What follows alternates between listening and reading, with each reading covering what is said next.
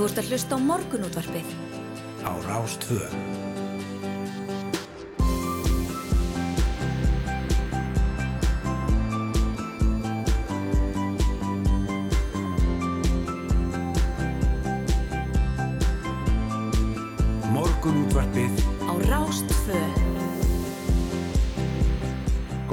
Velkomin á Fætur, klukkan hefur slegið tímyndur í sjö, það var hægt að segja hún slái tímyndur í sjö, hún slæði nú held ekki nema heila á álatímanum en, en það er nú svo leis, klukkan er, á, er orðin tímyndur í sjö, þá förum við í lofti hér Hulda Geirstóttir og Rúna Robertsson í morgun útvarpinu 4. ágúst.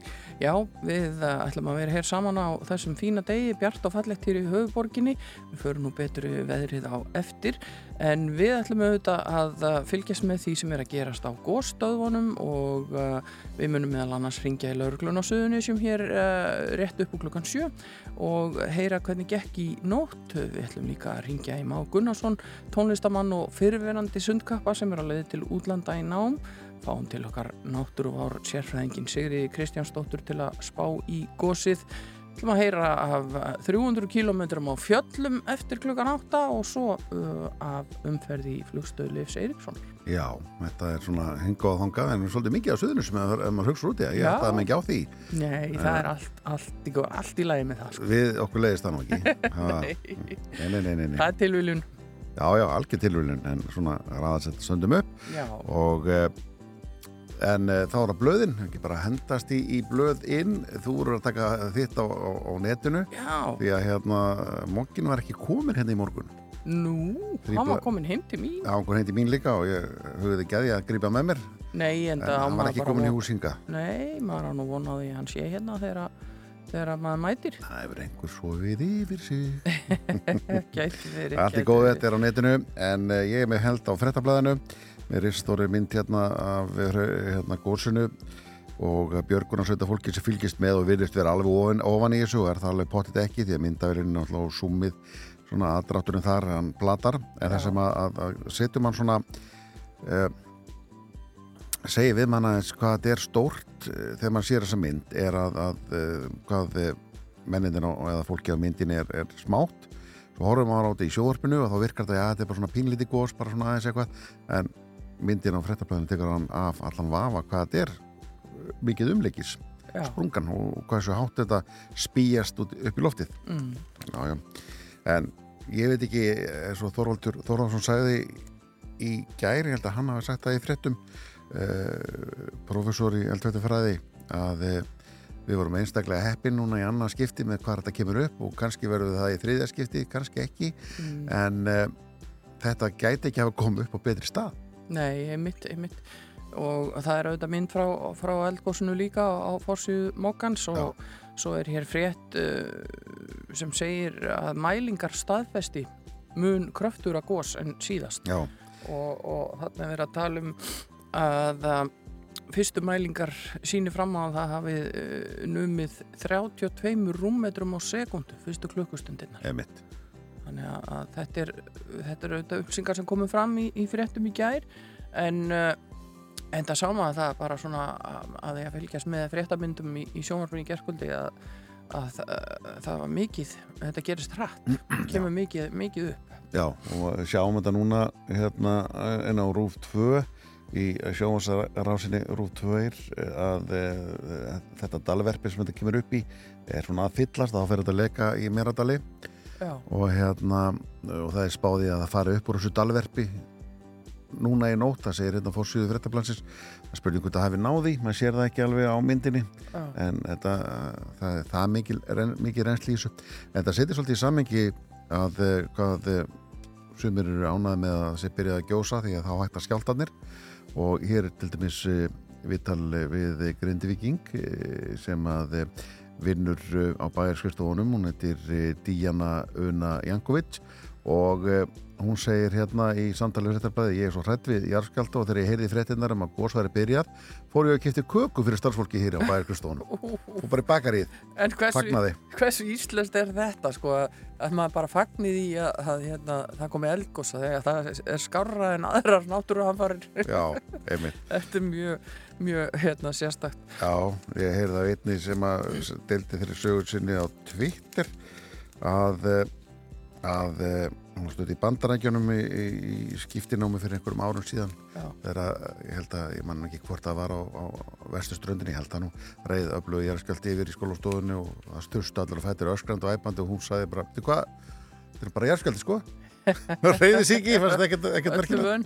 Öllu vön Jú, jú, svo er hérna verið að tala um um, uh, já, gæslu á svæðinu. Við heyrum nú meira af því á eftir þegar við, við tölum við laurugluna uh, á Suðunesjum en uh, rétt að ítrekka það sem að, að tekið var fram í, í fréttum í gær og gerðkvöld að, að um, hér er meðal annars verið að tala við Víður Einarsson uh, sem við þekkjum nú öll hjá almannavörnum.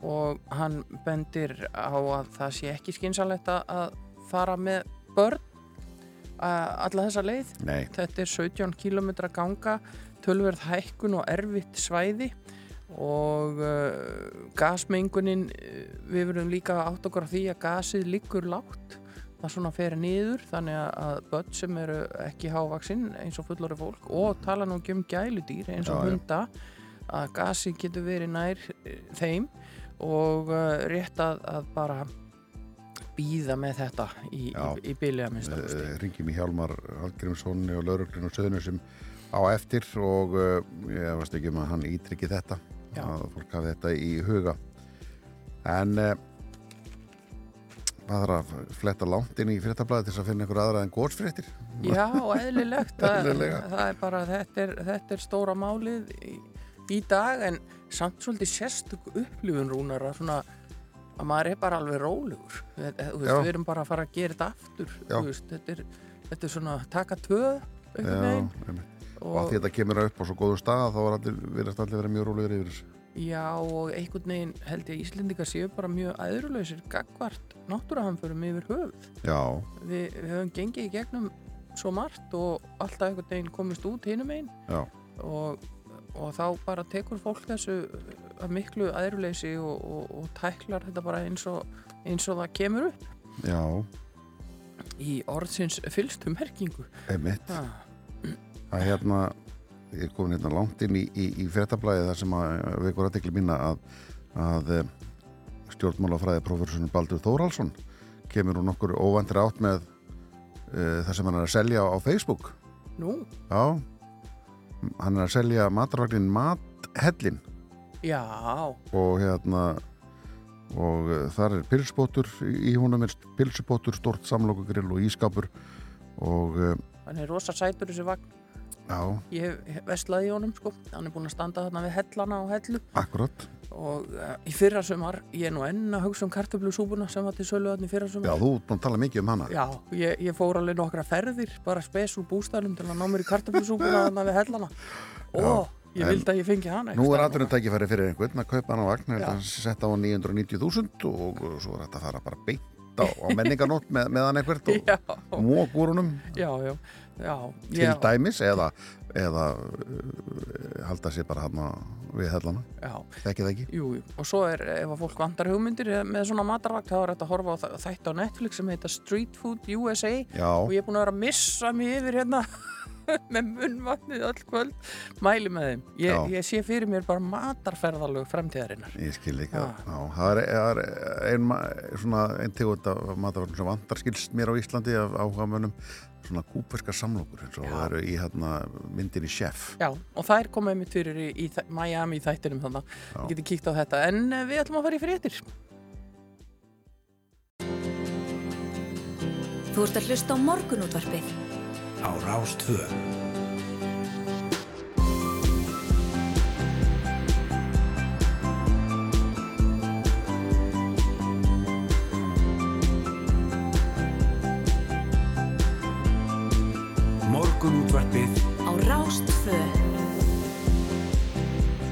Bjóðum góðan dag hér á Rás 2. Það eru Hulda Geistóttir og Rúna Róbersson sem taka mót ykkur í morguns árið og uh, saman fyrir við á stað inn í þennan fína fymtudag, fjóruði ágúst, hvorki meirinni minna. Já, velkomin á, á Fætur og uh, bara einhvern veginn ágúst tekur þannig á mót okkur að maður svona veit ekki alveg maður á að halda það er svolítið svalt.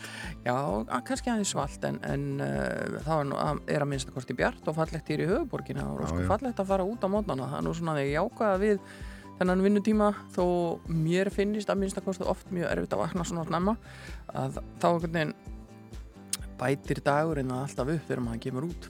Að gera það, þá til að komin vetur og það er myrkur. Og þá til að komin vetur eins og var í fyrra og maður stóð bara í snjóm snjóm, snjóm bara njám. Já, við höfum að gleyma því maður fljóðar að gleyma Við höfum nefnilega veður minni okkar Íslandinga er, er mjög, mjög takmarkað. Já. annars held ég að við myndum ekki endast hérna. Nei, held ekki. Ha.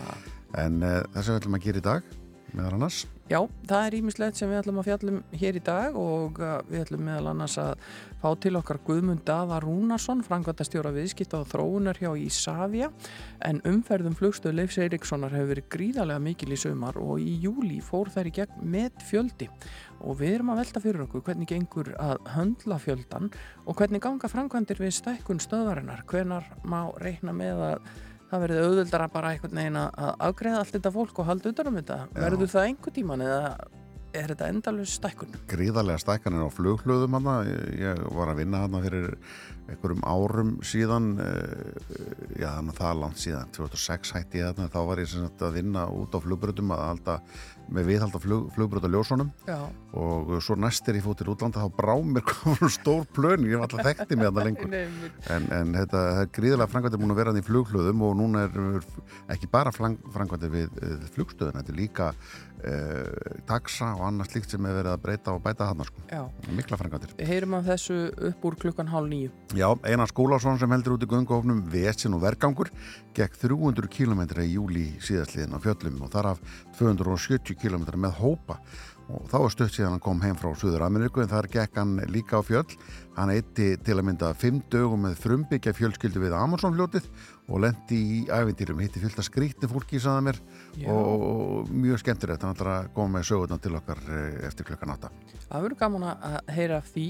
Nú í gerðmorgun eh, rættu við við Sigriði Kristjánsdóttur náttúruvár sérfræðing en þá var ekki farið að gjósa. Nei, nei, þá var svona að vera að velta fyrir sig hvernig nóti var og, og skjáltar og eitthvað svona, svona. og svo byrjaði bara að gjósa um halv tvö í gær þá hugsaðum við með okkur hún er eh, á nætturvætt í nótt líka hún getur get ekki lítið við hjá okkur og fara yfir stöðuna. Já, við ætlum að grípa hana á leið heima á nætturvætt á viðstofunni og, og fá sa, svona smá samantækt á þróun gossins í nótt og hugsanlega fá hana til að kíkja í kristalskúluna og spá í framaldið Já, já, og ég mitt og þau var antalega búin að læra eitthvað á tölun sem það var síðan núna nú þegar hvað hva, hva þetta er. Já. Nú, e, svo ætlum við að slá á þráðan til Más Gunnarssona tónlistamanns og nú verandi e, sundkapa, eða fyrirverandi nú fyrirverandi sundkapa, já maður hafa þetta rétt, hann var nefnilega hægta í sundinu hann ætlar að kveðja sundið til að fylgja tónlistagiðinu eftir og er á leiðan til náms í Breitlandi en áður en hann fer ætlar hann að halda heilið mikla tónleika og og uh, svo er hann nýbúin að gefa nýtt lag og við ætlum að ringja í má upp úr halv átta Já og uh, svo hérna rétt á eftir ætlum við að taka stöðuna í Grindavík og góðstöðunum með því að heyra í Hjálmari Hallgrímsinni lauruglumanni á Suðunessjum en stríður ströymur fólks var að góðstöðunum í gær þráttur beinir almannavarnaðum að fólk fær ekki þangað upp yfir strax vegna almanna hættu og, og svo sem búið að fjalla svolítið um þetta en, en við ætlum að, að fá bara uh, beinar upplýsingar um það hvernig þetta gekk fyrir síðan nótt og hvernig er staðan hann að núna. Algjörlega, algjörlega Það er spurning bara að hendi eitt lag og kíkjum á veðrið eða viltu við fyrir með veðrið strax? Nei, við ekki bara... bara í bitni, ég að. Já, ég vil ekki bara, sko, ég sé að Káká er hérna ah. tilbúin. Það getur nú eiginlega bara aldrei klikka að byrja á því. Þannig að við skulum bara smetla vegbúanum í gang. Já.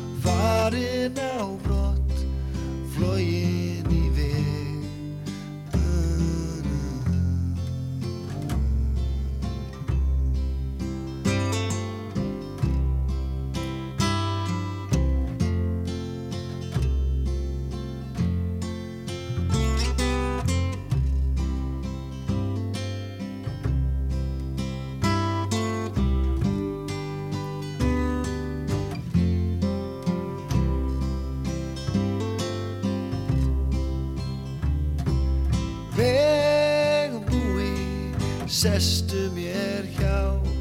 Segðu mér sögur já segðu mér frá. Þú áttir von nú er vonin farin á brott flógin í veg.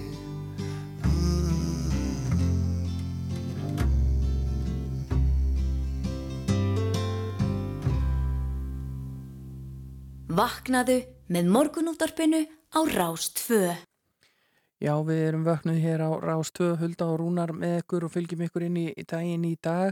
Uh, já, svona uh, mörg á, á leið til vinnu aftur eftir sumafrí í þessari viku, við sjáum það og um, svo styttist nú í skólana, þannig að- er fólk fara að huga því að kaupa skólatöskurnar fyrir þau sem eru að byrja í skólanum og Einmitt. svo er það bækurnar og, og allt þetta. Þetta er, þetta er alltaf svolítið skemmtilegu tími. Já, já, En þetta getur líka, getur líka verið aðeins flókin tími fyrir uh, þau sem eiga börn á skólaaldri því að nú eru fullorðnir gjarnan að fara aftur til vinnu en skólinn er ekki byrjaður. Þetta er Já. svona rettingatími núna. Svona Hva, hvað hva er að krakkarnir að vera í dag og meðan ég er í vinnunni? Já, en um, allt leysist þetta nú einhvern veginn en við ætlum að kíkja á veðrið hér næst. Já, og uh, það eru hugliðingar veðufræðings í morgunsárið, það verður norðlæg átt 5-13 metrar á sekund í dag en 10-15 fyrir austan, regning með köplum norðan til en þurft og bjarta mestu síðra. Svo snýst í hægari vestlæg átt í kvöld og léttir til á norður og norðausturlandi, hiti 10-17 steg en svalar á norðaustan til. Suðlæg eða breytileg átt 3-8 á morgun og viða bjartviðri en eftir hátegi verður skíjað á vestanverðurlandinu með dálitilli regningu. Hiti yfirleitt 13 til 18 stig. Suðvestan átt með regningu öðru hvorum helgina. Hiti 10 til 17 stig og hlýjast norðaustan til um helgina. Já, Já, ég var að vona að það er hlýtt bara hjá okkur á Suðurlandi en það er, verður ábygglega þó að sé hlýjast norðaustan til. Enga græðki hér. ég skil, skil Já, það, það, það var nú svo kalt þar Já. um síðustu helgi þannig að það er kannski sangjant að er dreifa þessu. Já, sjálfsögðum. Já, en, en svo eru ímsar framkvæmdafréttir hér inn á vega vegagerðarnar kannski helst að nefna að í dag á að fræsa á Malbygga Akrin á Reykjanesbröðinni frá minnslagum gatnamótu við Njarvík að Grindavíkuvegi og þar verður þrengt í eina Akrin og hámasræði lækkaður fram hjá frangvandasvæðinu og þetta byrjaði núna bara klukkan 6 í morgun og verður til uh, klukkan 18 setnipartin og þetta geti vantilega haft tölverð áhrif ef það er mikil umferð þannig mm -hmm. suðrættir vegna gossins og uh, svo er uh, líka Vantilega sleppur það eða þú kemur á höfuborginni Já, getur verið. Getur verið En svo er talað hérna líka um að í dag á milli klukkan 6 og 9 í kvöld farið fram hjólriða keppni Tinds á Suðustrandavegi sem að hefst vestamni þólásöfn og hjóla verður eftir Suðustrandavegi að Bjarnavík og vegfærandu beðnir um að sína aðgat og tillit sem er þarna geti nú orðið tölverð umferð um mm. Suðustrandaveg þannig að uh, best að hamra aðeins á þessu uh, við fólk að sína þarna tillit sem í, í kvöld Nú og, og það er ímislegt fleira hérna inn á vegagerðin.is við uh, bendum ykkur bara á að kíkja þar við Einmitt. og uh, skoða helstu tíðindi. Nú við ætlum að ringja surrettir og heyra í lauruglunni á suðunni sem hér eftir augnablík en á leðinni ætlum við aðeins að lifta okkur upp og heyra í Jackie Wilson og læginu Your Love Keeps Lifting Me Higher.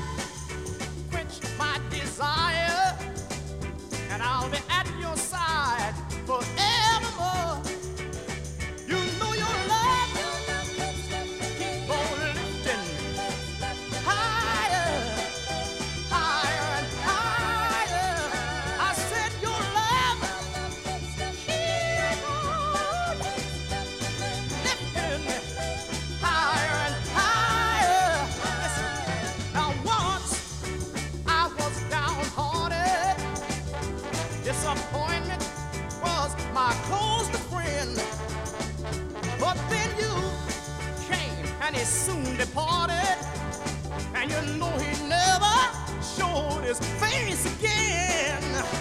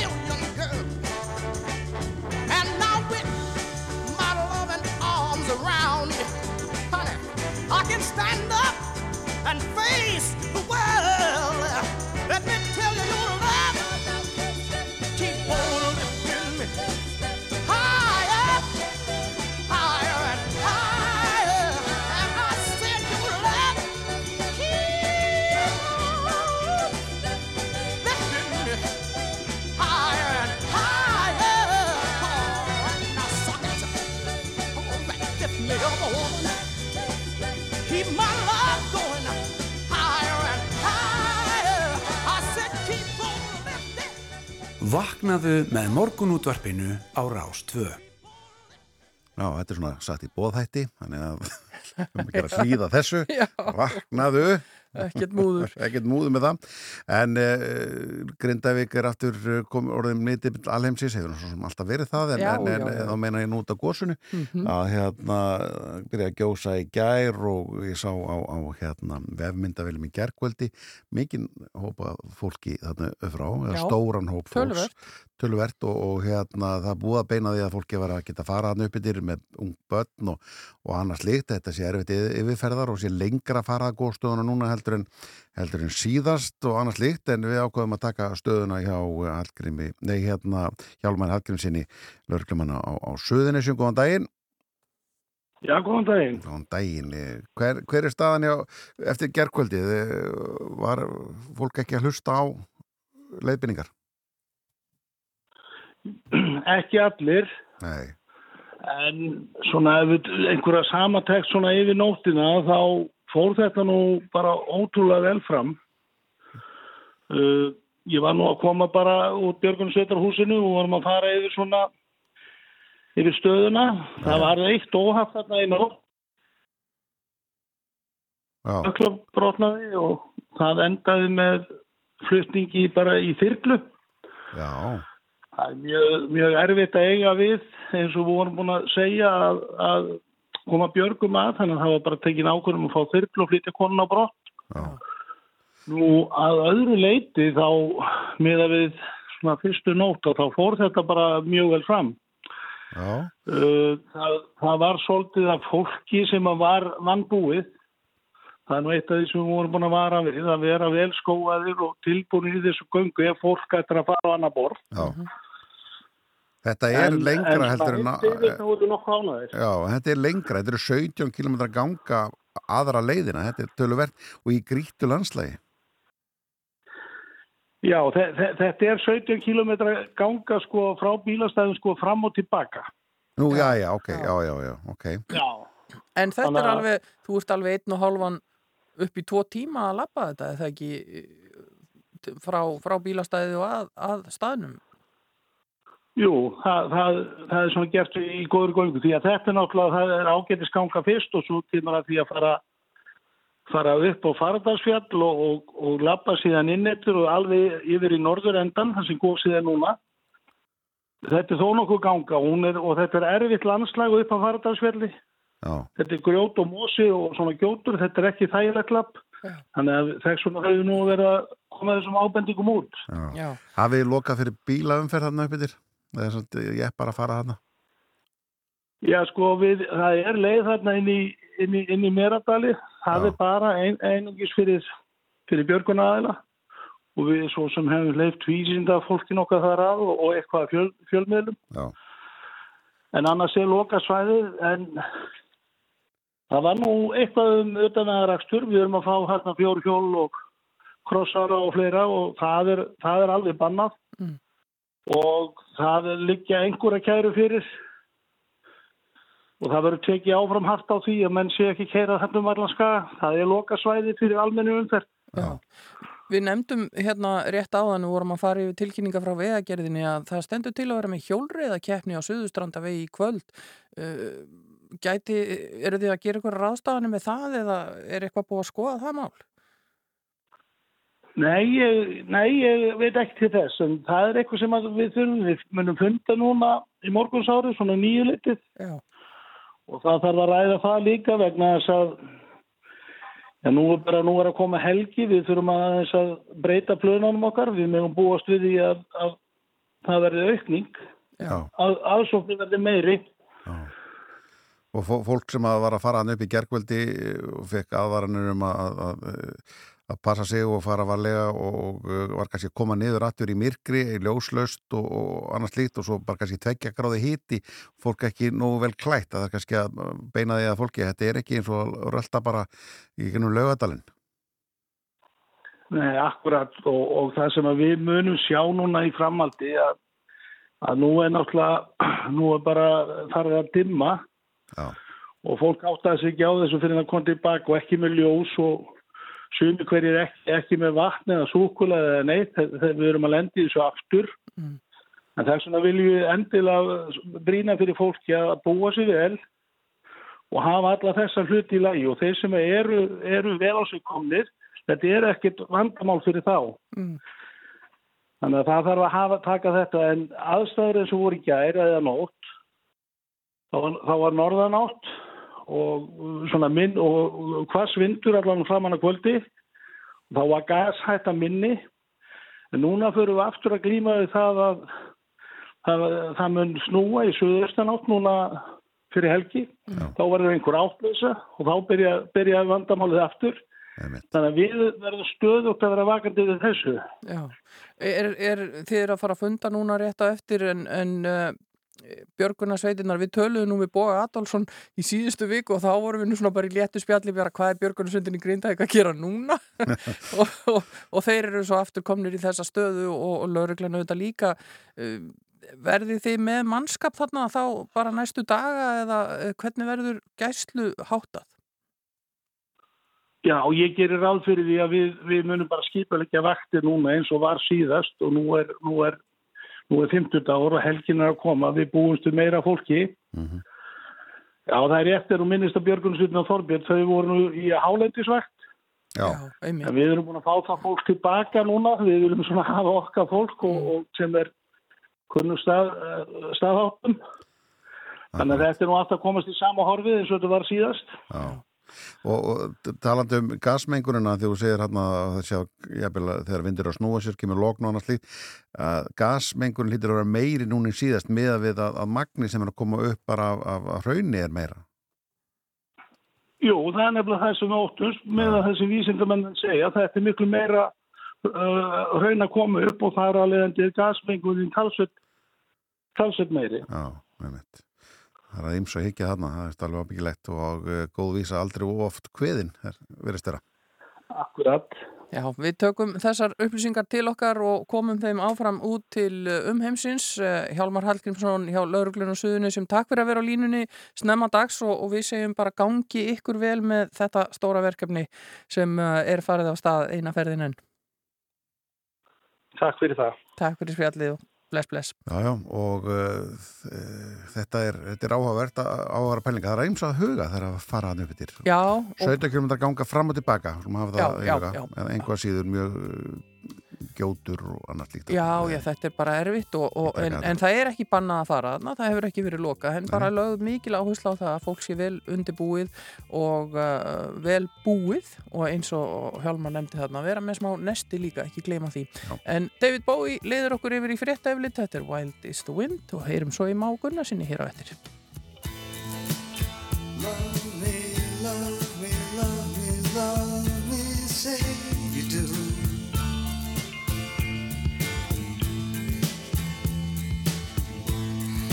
Let me fly away with you.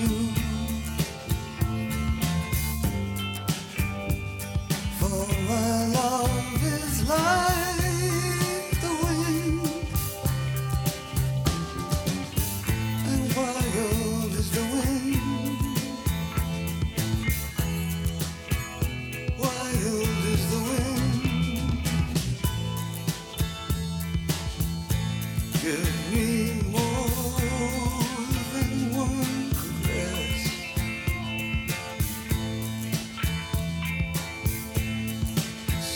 survive.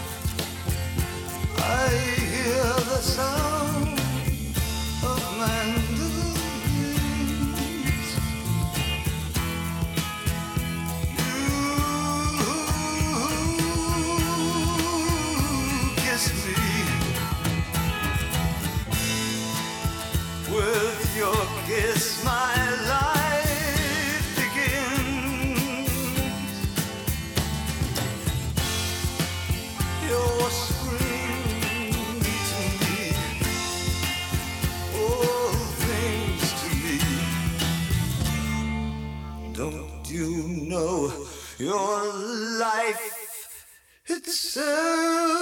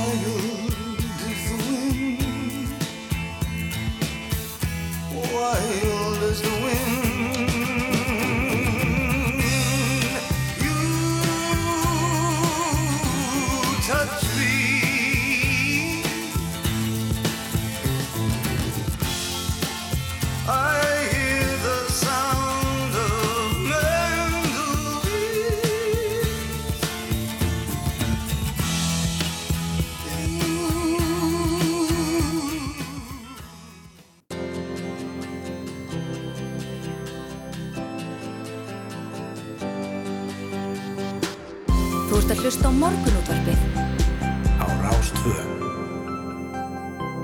Já, framhöld við hér í morgunútarpinu Hulda og Rúnar með ykkur í dag og á línunni hjá okkur er eh, Már Gunnarsson tónlistamæður og nú fyrverandi sundkappi getur við sagt. Góðan daginn Már, Já, góðan dag, gaman að heyra í ykkur. Sömleðis og, og Það er ekki leiðilegt að byrja daginn í morgunúttarfinu. nei, það er gott að er heyra. okkur finnst það. Já, það ekki, Jú. þið eru vönið þessu. Já, við erum öll, öllu vön. Sko, eh, þú ert auðvitað bara þjóðþektu maður, við þurfum ekki að, að kynna þig neitt sérstaklega fyrir þjóðinni sem er að hlusta, en, en hins vegar... Finnst það samt fallega kynning. Já, já, en, en, en svona þú, þú hefur kannski fyrst og fremst, eða, eða ekki síst verið þekktur sem, sem afreismadur í íþróttum og, og mikill sundkappi, en, en þú hefur tekið þá stóra ákvörðun að kveðja sundi vegna þess að þú ætlar að fylgja hinni giðjunniðinni eftir sem er tónlistakiðan. Já, algjörlega. Uh, og þetta er ákvörðin sem að er mjög erfitt að taka en einhvern veginn þegar maður er komin á þetta hérna, hátt level í íþróttinni Mm. að vera að keppa við þá allra, allra bestu sem að eru bara í því í lífinu að synda þá er einhvern veginn ógæslega mikið svona, þá er mjög erfitt að svona halda í við það þegar ég er líka að gera tónlist veist, vinna darskvæðinu fyrir rúf Mm. og hérna einhvern veginn ímislegt fleira. Þannig að mér fann henni bara núna eftir olimpíuleikana þá er tímabært einmitt að skipta eins um gýr að leifa sjálfur mér og veita mér bara það tækifæri að þroska mig sem tónlistamann. Um, og sérstaklega í hérna, því samingi að ég komst inn í þennan tónlistaráskóla í, hérna, í á Breitlandi, ég veit aldrei hvort ég segi í á Breitlandi já, í, hérna á Englandi um, sem að þannig ég er að fara út núna í september. Þannig að þetta eru bara já, smá tímamót og, og ég er bara mjög spenntur bara fyrir nýjum áskorunum og, og líka bara veist, að æfa mig í ennsku ég er mjög spenntur fyrir því. Já. ég held bara með því að flytja út og þáttur ég var ekki að fara í neitt skóla þáttur ég væri bara að fara út og, og tala ennsku þá verður það bara sjálfur sér skóli hérna út af fyrir sig. Já, En, en segðu mér hérna að það er mikið búið að vera í umræðinu mynd um afreiksfólk í, íþróttum eh, á Íslandi sem hættir eh, mjög snemma, einfallega vegna þess að stuðningurinn við það að, að keppa við þessa sem að gera ekkert annað en að æfa þá tilteknu íþrótt. Stuðningurinn við það bara fjárhagslega er bara lítill hér á landi. Sammála því? uh, Já, ef einhver sko, það er einhverju sjóðir veit ég sem að afræðsfólk getur eitthvað sótt í það sem þá getur fengið veist, eitthvað, eitthvað styrk fyrir að kaupa skilfu sundgleru eða eitthvað en fattur er fólk þannig að líka að þarft að- lífa. algjörlega og, og það er eiginlega ekkert kerfi á Íslandi til sko sem að sem að einmitt stiðu þetta sko veist þessir hérna, okkar bestu íþróttumenn hafa bara verið svo hefnir kannski ná að semja við ykkur fyrirtæki Já, sem hafa geta kannski borgað í uh, mánaðilega laun en, en jú, það er ekkert einmitt, veist, ekkert innan, innan hérna, ríkisins eða eitthvað sem að einmitt, bara veist, myndi borga aðeins fólki mánaðalaun, fattur Já. að fólk getur ekki unnið við það sem náttúrulega ætti bara algjörlega að vera sko. eins og þegar við erum alltaf snuð held ég sko í Þýskalandi þá er það bara þannig að hérna, fólk er bara skráði herin veist, þú ert ekkert í hernum skilur en þú bara æfir og ert bara undir þeim hatti Já, já, já. einmitt, einmitt. En- Þannig að við náttúrulega er ekki, erum ekki menn en her, það er spurningum að búa til bara svona her bara fyrir þetta. Eina herdeild fyrir afriks íþróttafólk. Já, já. En, en þú ætlar að einbytta þér að- að tónlistinni núna og, og, og fara í, í virtan tónlistaskóla. Hvað er þetta langt nám og, og svona, hva, hvað er framundan? Þetta er þryggjára nám og fjögur ára ef við tek master. Mm. og þetta nám gengur svolítið út á að þróa þig áfram bara sem tónlistamann í svona, já bara þig sem músikant og promota þig. Þannig að þú veist, þetta er svona uh, skólinn heitir um, Vá, klukkan er halv átta, klukkan hún er of snemt til að segja muni Það er hérna Er þetta ekki Eh, gildfort eitthvað? Academy, jú, þetta er. Academy of Contemporary Music og hérna, þannig að þetta er, þetta ekki svona jazzskóli, þetta er ekki klassískur háskóli, Nei, þannig að þetta er svona einmitt svona uh, nútíma tónlistarháskóli sem að svona vinnur sérstaklega því að, að þú komist að því nákvæmlega hver þú er sem músikant og svona einmitt hvað kenna þér á svona bransan Já. það sem er að gerast í dag og það sem er vinsalt í dag þannig að í þessu er líka svona um, music business og líka bara svona alveg bara hvernig þú kemur á framfæri svona businesslega líka Já, þannig að þið taka svona, svona industry hliðina Já, á þessu og heildina. ég er alltaf mjög já, einmitt, og þetta er í Guildford. Hann er enda á þreymur stöðum, hann er í London, Guildford og Birmingham. Mm. en ég valdi Guildford út af því að ég er svo rosalega lítið svona stórborga strákur ég Mm. var einmitt í New York um daginn og ég fekk bara innilokana kent Ó, Já, þetta er svolítið svona annarkvort eða annarkvort fílar fólk þetta eða ekki sko þegar mann kemur í þessar, Já, þessar ofsalega Já, nákvæmlega, fjölmennu og borgir. Guildford er rosalega sjarmjöndi staður, sko, þetta er svona þau náttúrulega finnst þetta bara að vera smábær en þetta er samt 250 manns. Já, og nákvæmlega, og þetta er rosalega svona grænt svæði. Já.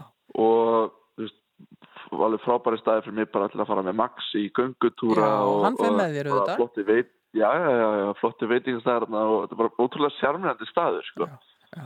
En það, sko, það kostar sitt að synda en það kostar líka sitt að fara í, í, í, í nám í útlöndum og þú, þú ætlar að halda núna tónleika til þess að, að, sapna peningum og, og, og hvað stendur Já, til? Já, sko, einmitt, það sem að hérna, um daginn fekk ég bara bref bara þess efnis að ég fekk hérna, uh, ingangi innan skóla og síðan er það nú ekki alls sagan en sem maður þurfti að fara í það að sækja mig og svona vísa og það var alveg svolítið verkefni Mhm. út af Brexit, það er, alveg, það er ekki auðvitað að vara að, að, að hérna, fara og, læra í eða á Englandi Mhm. og um, einmitt og þegar þetta allt saman fór í gegn þá var ég bara, heyrðu, sænt já, heyrðu, núna þarf ég að fara að hérna, eiga fyrir þessu líka, þannig að ég ætla að vera með þessa tónleikaröð við hvernig þetta bara tónleikaröð þetta eru sem þrennir tónleikar um, 25. ágúst verðum við um, í Garabæ uh, 1. september þá er svona sérstök ljósanættur útgáfa það er hérna uh, 50 dagurinn uh, í ljósanótt Mhm. og við verðum, verðum í Stapa og síðan á sviðinu uh, á Selfossi annan september og þar er glænýr tónleikastæður sem ég fæ að halda bara fyrstu tónleikana á Já. þarna annan september í Selfossi sem ég vil spenntið fyrir Já. og með mér verða bara okkar færustu hljóðfæraleikarar og um, óvendi ja, það reyndar ekki óvendi gestir ég mynd bara kynna þá aðeins, aðeins Þegar nær dregur. svona, já þeim heitir ég sko, þannig að það er ekki óvendi fyrir mér en jú svona, verða góði gestir segja það þannig Það er nú gott að það er ekki óvænt gesti fyrir þér að þú verður bara að það Ég- væri það svona skemmtilegt tvist við ætti kannski að hérna, Það er hugmynd. það, það við fólkið mitt Það er hugmynd. En uh, tíminn flýgur, við þurfum að, að- að fara að kveðja þig, en þú ert nýbúin að gefa út nýtt lag, kannski örstutt um það. Já, nýtt slags gaman lag. Já. Ég, þetta hérna uh, lag er auðvitað lag sem að Íslendingar þekkja ótrúlega vel um, og þetta er lag sem að mér hefur alltaf þótt rosalega væntum. Um, ég heyrði þetta lag fyrst þegar ég hérna, horfði á Flugsögu Íslands þegar ég var veist, þegar ég var tíu ára, þá var ég alltaf að horfa heimild á þætti um, um Flugsögu Íslands og þetta eru fjóri þættir og ég horfði þetta, veist, alltaf á þetta bara á repeat Mm. Og þetta lag var eitthvað staðar í þeim þáttum. Og svona pínu fyllt með síðan þá vegna þess að þegar ég var lítill ég ætla alltaf að vera flugumæður saman til að ég áttaði á því að það væri kannski ekki alveg að fara að Nei, um, en já þetta lag sem þetta var í þessum þáttum og, og það kom bara eitthvað tímið um daginn að, gera eitthvað við þetta og ég er búin að já, taka þetta lag og snúa því pínu svona á kvolv og, og, og breyta þess alveg svolítið sko. Ég ég hef, hérna, áður en ég gaf þetta út þá og liti nú ömmu vita, ég gaf henni svona smá viðvörun og sagði henni nú að taka hjartalifin sín pottet í dag, áður hún færi að hlusta á þetta ok. en mér finnst en, en, en mér finnst þetta persónulega mjög, mjög skemmtilegt og klárlega mikil breyting frá upprunulega Já, en mér finnst þetta bara vera skemmtilegt tvist og bara gefa læginu bara smá svona nýtt, nýtt líf sko já. Við skulum uh, heyra lagið Már Gunnarsson, takk fyrir að vera á línunu, gangið er vel í, í verkefnunum framundan. Lagið heitir Indið mitt yngst og besta og við þökkum fyrir spjallið og, og segjum bara góða ferð og gangið er vel. Við verðum nú í bandi, bandi öruglega áfram. Já, klæslegt Takk fyrir þetta, bless, bless. Já, við ætlum að heyra hérna uh, lagið hans uh, Más Indi mitt yngst og besta í, í þessari nýju útgáfu hérna og uh, sjáum til, setjum það í gang hér.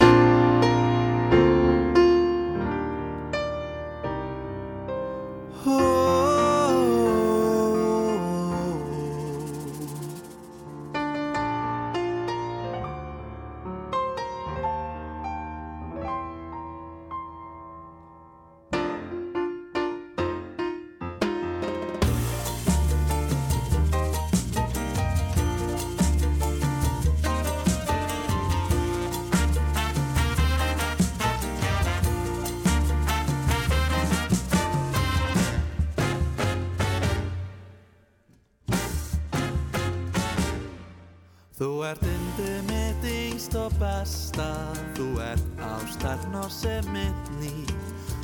sólrún á söður hæðum Þú ert sumarblómið mitt frí. Þú ert ljósið sem lifnaði síðast Þú ert löngunar minnar hlýn Þú ert allt sem ég áður þráði Þú ert ósk, þú ert óskinn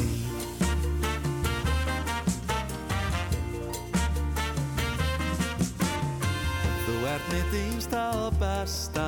Þú ert ástarn og sem mitt líf Þú ert sólrún á söður hæðum Þú ert sumarblómið mitt frí Þú ert ljósið sem lifnaðir síðast. Þú ert löngunar minnar Þú ert allt sem ég áður þráði. Þú ert ósk, þú ert óskinn. mín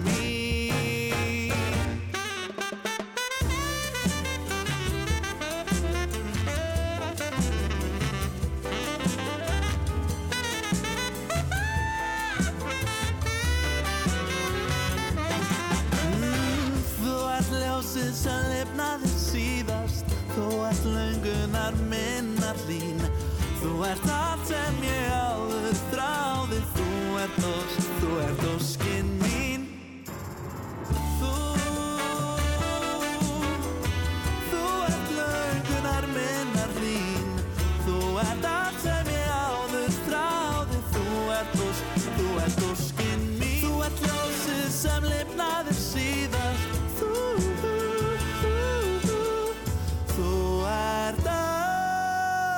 sem ég áður þráði Þú ert ósk, þú ert óskinn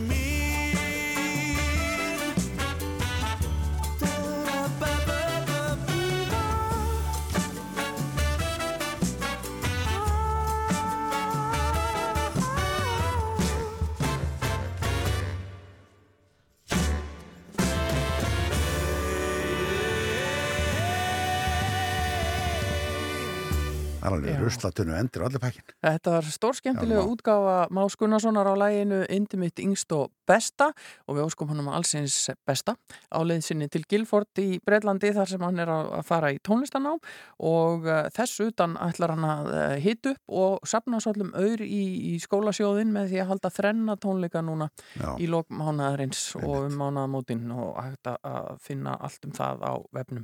En uh, gósið er mál málana þessa dagana og hér í gerðmorgun var ekki farið að gjósa og þá rættu við við Sigriði Kristjánsdóttur náttúruvar sérfræðing en nú er farið að gjósa þannig að við ákomum að grípa hana aftur á leið heim af næturvakt hjá viðstofinu og fá kannski svona smá samantekt. Velkomin aftur. Já, takk. Uh, hvernig gekk nóttin fyrir sig svona góslega séð?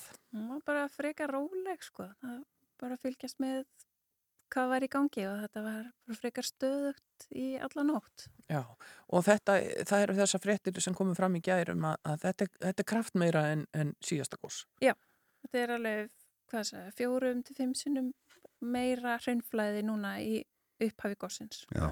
Og þá fylgir því vantilega líka mikið meira gas. Já, við sjáum það líka svolítið bara á vefmyndavilunum, svo það er, það er að koma miklu meiri svona strókur upp á þessu. Já. Já. En sko, það er væntalega búið að gera þarna einhver líkun og útrekninga varðandi hraunflæðið með við þennan kraft. Já. Uh, síðasta gós stóði eitthvað hálft ár og, og svona setni part þess tíma var fólk farið að hafa ágjur að þetta myndi flæða yfir vegi og, og, og stefna til hafs. Jú. Uh, hvað segja líkunin núna ef við miðum við eitthvað, að þetta taki einhverja mánuði? Já, það vill svo til að þetta góðsprungan opnast þarna fyrir norðan Geldingadali þannig að það er ekki mikið af einhverju mannvirkjum með einhverju sem að það getur farið yfir. Það tekur svolítið langan tíma. Við höfum náttúrulega smá áhyggjur bara á okkar mælitækjum svona, það eru jarðskjáltamælar og fleiri mælar sem eru þarna sem að við kannski reynum að hafa já, hlaupa til áður en að fara undir hraun. Já, og bjarga þeim bara. að bjarga þeim sko. og fæ, færa til. En það voru auðvitað þegar uh, gósið í fyrra var í gangi, þá voru þannig líka gasmælar. Já. Er, er, hafið þið náða að koma þeim upp aftur strax á fyrsta degi eða? Það er nú ekki alveg sem að sé búið að setja upp en það er öruglega á dagskráni jafnvel bara í dag að setja upp og við- það eru náttúrulega líka eru bara gasmælar í það er í Grindavík og það er hana, á eh, norðan til á Reykjanesinu sem eru bara í gangi alltaf og Já. það er alveg þú það hægt að fylgjast með því á netinu það er allt bara Já. online sko. Já, við, e, þetta hefði ekki getað komið upp á betri stað, verðist vera. í raunin ekki sko það Nei. er náttúrulega aðeins lengra lapp fyrir okkur núna við ætlum að fara að tjekka á þessu Já, einmitt. en, en það er Vont hljóta fyrir okkur. en ég held að við látum það víkja Já, nokkuð. fyrir svona hinu sko Já, Já. en, en við vorum að tala um þetta hérna í morgun við rúnar þegar við vöknuðum að, að sko hversu sérstætt er það að, að búa í landi og vera hluti af þjóð sem að svona, já, alla kipi sér auðvitað að það fara að gjósa hérna bara Já. korter frá byggð. Já. Er það eins hjá ykkur náttúruvár sérfræðingunum? Eru þið alveg slök yfir þessu eða eru þið svaka spenntir þetta fyrir gang? Við erum svolítið spennt þegar eitthvað fer í gang sko. Það, það var, var svolítið rólegt í nótt en í fyrir nótt þegar var hann að sinubrunni það var eiginlega meiri hasar þá nótt hjá mér sko. Já. Svo var það ekki neitt. Var, var það ekkert nála þessu svæði? Var, var það ekkert tengt þessu? Nei, Var það var aðeins svona, það var eiginlega bara upp á Fagradalsfjalli við eina af hérna, gömlu gönguleðanum. En það var, var rosa skrítin staðsning sko. það var ekki verið neini skjáltar eða neitt. Það Nei. vorum eiginlega alveg vissum að þetta myndi koma upp þar sem skjáltaverkinu var búin að vera og Já. það reyndist síðan bara rétt. En nú finnst manni þegar ég hugsa aftur í tíman til gossins í fyrra að þá einhvern veginn var þetta allt svo, þá voru, sömu, þá voru svona skjáltarhýna og, og langur aðdraðandi en þá var þetta allt einhvern veginn fannst manni miklu óljósara og, og menn sögðu bara nokkrum klukkutímum fyrir gos, það er enga líkur á gosi. Núna uh, voru spátnar þannig að það, það er nána stóðust upp á klukkutíma, það bara stefnir í gos Já, og svo kom gos. svo, Er þetta eitthvað, var þetta eitthvað öðruvísi eða bara voru þið betur undirbúin núna? Já, bara reynslinu ríkari sko, það er, við höfum náttúrulega alltaf okkar líkun og mótel til þess að setja eitthvað reikna á reyna að fá út hvað er að fara að koma Mhm. en við þurfum alltaf að hafa einhverju svona uh, einhverju hömlur á líkununum og ef við erum búin að læra eitthvað nýtt þá erum við komið með nýjar hömlur og þá vitum við hvað er getur actually bara fysiskt gerst. Já, já. En nú talaðum að þetta geti verið upphafið að Fagradalsfjalls eldum, Já, sem að noti nú það langa titil. Já. Er þetta hugsanlega bara eitthvað sem verður í gangi bara næstu 100-200 árin? Það er spurning sko, ég hugsa ef þetta væri næstu 100-200 árin þá gæti komið örglega góð hlýin á milli sem væri kannski einhver ár eða áratugur eða meira Já. og við svona, maður hefur tilfinningu til sig kannski frekar eins og kröplueldar það sem voru að koma svona eldgóðsöður hverju yfir nokkra ára tímabil og svo bara hætti það Mm. Og það var sama þar eins og núna að það stundum kom kvikan bara ekkert allavega upp á yfirborðið og ég man ekki hvað, hvað voru tölunum hvort það eru 40-50% tilfella sem að það kom eldgós. En það er málið þarna undir er kvikan bara á sífeldri ferð og, og, og svo stundum nær hún í gegn og stundum ekki og er bara matla hann undir. Já, og núna höfum við náttúrulega líka þessi, höfum GPS-mæla og við höfum líka þessar insarmyndir og það er eitthvað sem við höfðum ekki til dæmis insarmyndina, það var bara ekki búið að finna það upp þegar kröplueldar voru. Já. Að við erum með svona, uh, já, við höfum aðeins að önnur tæki. Getið þið séð til dæmis með einhverjum svona hitamyndum eða einhverju núna sko hvort að uh, sprungan, hvort að það er kvika og virkni lengra út til begja átta eða meira á þessu svæði að því nú er fólk að lappa þarna allt í kring og koma að þessu. Já, ég held að það væri voða gott að koma upp einhverju svo leið, sko. Ég, maður hefur á tilfinningunni að það muni opnast einhver fleiri góðsóp eins og gerðist í fyrra Já. og það voða gott ef við getum svona, bara sagt, herru, Ekki vera er að opnast þarna. núna. Ég sá, sá einhverja myndi í gær uh, úr hérna hittamyndavel í þýrtlu landryggiskeslunar þar sem að fólk fljótlega eftir þetta fór að stað stóð rétt hjá einmitt þar sem hittamyndavelin sagði að þarna undir er, er, er, mikið hiti Já, ég, hérna ég var ekki búin að sjá þetta, það var Nei. ekki búin að nefna þetta um mig. Sko. Að, já, já, við verðum bara að hafa þyrlun hann uppi. Já, já, þessar myndir eru auðvitað teknar úr lofti og það þarf búnað og, og, og, og, og þyrlu til þess að að ná þeim. Já, og það er alltaf spurning sko, hvað er tilefni til þess að hafa mikið eftirlit við erum alltaf líka bara með augu og getum notað þau Já, já, líka. fyrir að vera vakandi. Já, En núna eru bara skjáltarnir búnir. Það er bara, þetta var nótið, þessi, þessi þrýstings, þrýstingslósun var nótið þess að skjáltaverknin hættir bara. Það er, já, það er búið að vera, ég er að horfa á þetta í nótt, svo það er búin að vera skjáltar alveg stöðugt en þeir eru allir bara miklu miklu minni heldur en var Já, Já, þannig að þrýstingnum hefur verið aflétt, getur við sagt. Já, það er, þannig, að- en þetta er aðeins stærra heldur en var í fyrra svo, við- Já, nú ætla ég að spyrja sem- eins og, eins og leikmaðurinn sem ég er í þessum málum. Nú búið að tala um að hekla sér komin á tíma í mörg, mörg ár. Uh, við heyrum einhver, einhver tíðindi úr bárðabungu og, og, og sko er, eru þessi svæði algjörlega sér eða er þetta eitthvað tengt? Ég meina getur, geta eldsumbrót á Reykjaneska haft áhrif á eldvirkni annar staðar á landinu? það er spurning sko, það er, ég myndi að halda fjarlæðin sé aðeins of mikil en við höfum til dæmis séð þegar Suðurlandsskjáltanir eru 2000, fyrir mm 2008 að þá uh, hleyfti það skjáltu, af stað skjáltum á Reykjanesi. Og þá er það bara að verða þessi stóri skjáltar og jarðskjáltabilgjur bara fara yfir allt landið Mm og gera þá sama eins og þessi kvikugangur er búin að gera, losa spennu sem er til staðar á sveðinu. Já, Þá komu skjáltar bara 5, komma eitthvað á Reykjanesinu á sama tíma. já, Ég man ekki eftir dæmi um að, að eldfjall hafi komast að öðru eldfjalli. Já, nei. En nú, kerfi á Reykjaneskaðanum eru nokkur. Uh, geta þau ítt við hvor, hvor, hvert öðru? það verður hann að jarfræðisagan verið segja það sko, að þau Já. fari svolítið á, stað í þessu, núna séu komin í ykkur svona sirpu þar sem að fara á stað kannski fleiri, kerfi. Sjáu þið einhver merki um það? Veist, þráttur að uh, núna þetta komið upp, skjáltatin hættir að mestu leiti þessu stóru. Uh, sjáu þið eitthvað, einhverja GPS mæla, sína einhverja reyfingu annar staðar á skaganum? Ekki núna, en það var náttúrulega er búið að vera til dæmis í kringu svartsengi sem er annað eldfjallakerfi, þar er búið að vera einhver innskott uh, á síðasta ári og þessu ári, þannig að það, það er eitthvað, eitthvað í gangi þar líka. Já, spennandi. Eða Já. þannig. En- það er svolítið miklu innviðið þar. já, já, segðu. En uh, við þurfum nú að fara að hleypa þér heima, leggja því, uh, eru fleiri nætuvakti framundar vantanlega? Einu viðbútt. eini viðbót og, og, og, og svo að þið, þið haldið áfram auðvitað að fylgjast með þessu. Þessi starfstitill, náttúruvár sérfræðingur, uh, við höfum nú lítið hýrt á honum áður en þetta allt hóst, en svo kemur í ljós að þið eru fjölmörg. Já, það er, þarf að vera einhver þannig allan sólarhengin, þannig að þarf, það þarf nokkuð stykki til þess að kofra þetta. Já, takk fyrir að, renna við hérna hjá okkur á leiðinni heima næturvakt á, á veðustofunni, Sigriður eh, Kristjánsdóttir, náttúruvár sérfræðingur.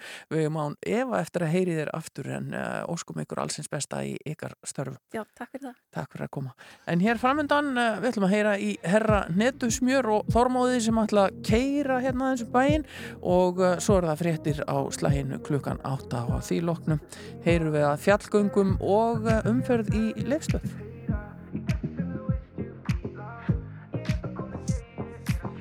uh, uh, uh. Þú veist ekki hvað ég vinn mikið í rauninni Sitt á mörgum lögum eins og prinsessan og bauninni Flexa nóg, rappa kóp fyrir dót Úr á dóp fyrir dót, enda atvinnuleg saumingi Þú ert gúmi tassa, komið mitt í gúmi tegju Út á vegi borða ananas í þunnu sneiðum. Sjúkur leikur kendi sjálfur mér á. Ég er bá, starfsmæðu mánadarins ár eftir ár. Kastu verkjum þekktu sér með púlað upp í þessu. Veltan gerir það að verkum veikur hérna er bestur Lífið er sjóður og tvö fokk ég nega leifi Veit að ég er engi þögg eins hann gengi gengi. Segja herra sig ekki nóga mikill listamær Finnum mig í fyrsta sæti á einhverjum listamær Þeir aldeilis flottir á villingötum Þeir gætu ekki borga tollir á mínum fötum. Sinni mér, sinn og síni þeim. Hörgu helgin ég tók miðlu heim. Ég er down ef að þú ert game. Svo segðu mér Sinna mér, sinna síni þeim. Hörku helgin ég tók miðlu heim. Ég er down ef að þú ert game. Svo segðu mér Svo segðu mér að sem ég vil heyra. Í þessu sem þú veist ég fíla.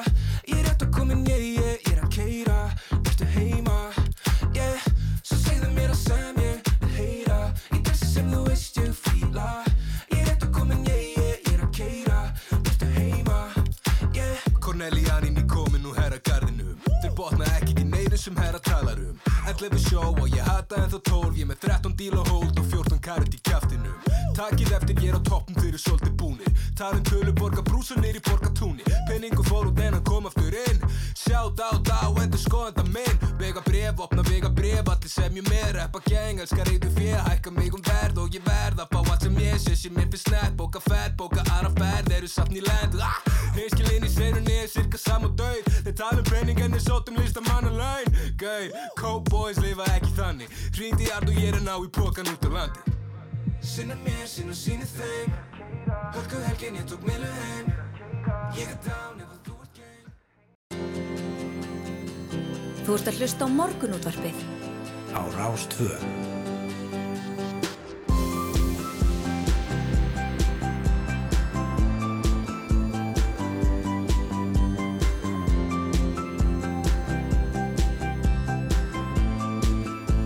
Rástvö Morgunútvarpið Á Rástfö.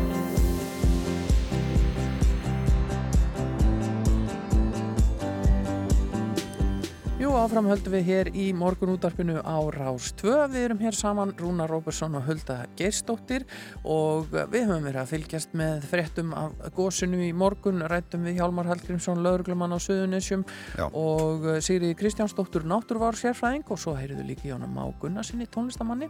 En uh, á þessum klukkutíma ætlum við hins vegar að uh, kíkja eins á nýjar tölur um umferði í gegnum flugstöðu Leifs Eiríkssonar. Uh, þar fór meðfjöldi í gegn í júli hann kemur til okkar upp úr klukkan hálf nýju Guðmundur Daði Rúnarsson, frangandastjóri viðskipta og þróunar hjá Ísafja Já, og hér eftir smá stund þá verður Einar Skúlason á línunni hjá okkur en hann heldur út í göngóknum Vesin og Vergangur og gekk 300 km í júli síðastliðin á fjöllum og uh, svo ætlar hann að segja okkur sögur af Söður Ameríku, hann var þar eitt í 50 með frumbyggja fjölskyldu við Amazon fljótið og annað slíkt, Já, er í mínum hérna á eftir. það er ímyndilegt sem fólk finnur sér til dundurs, getur við sagt. Það er á að segja það. Já, en uh, við ætlum að, að vinda okkur í tónlistina að heyra hér uh, í hljónstinni flott uh, sem að er mjög flott. Og þetta er svona kannski lagi sem að kom þeim stöllum á kortið. Mér er drull Spurning hvort að hérna sé að tala bara svona um gósum fjöllum núna, mér er drull.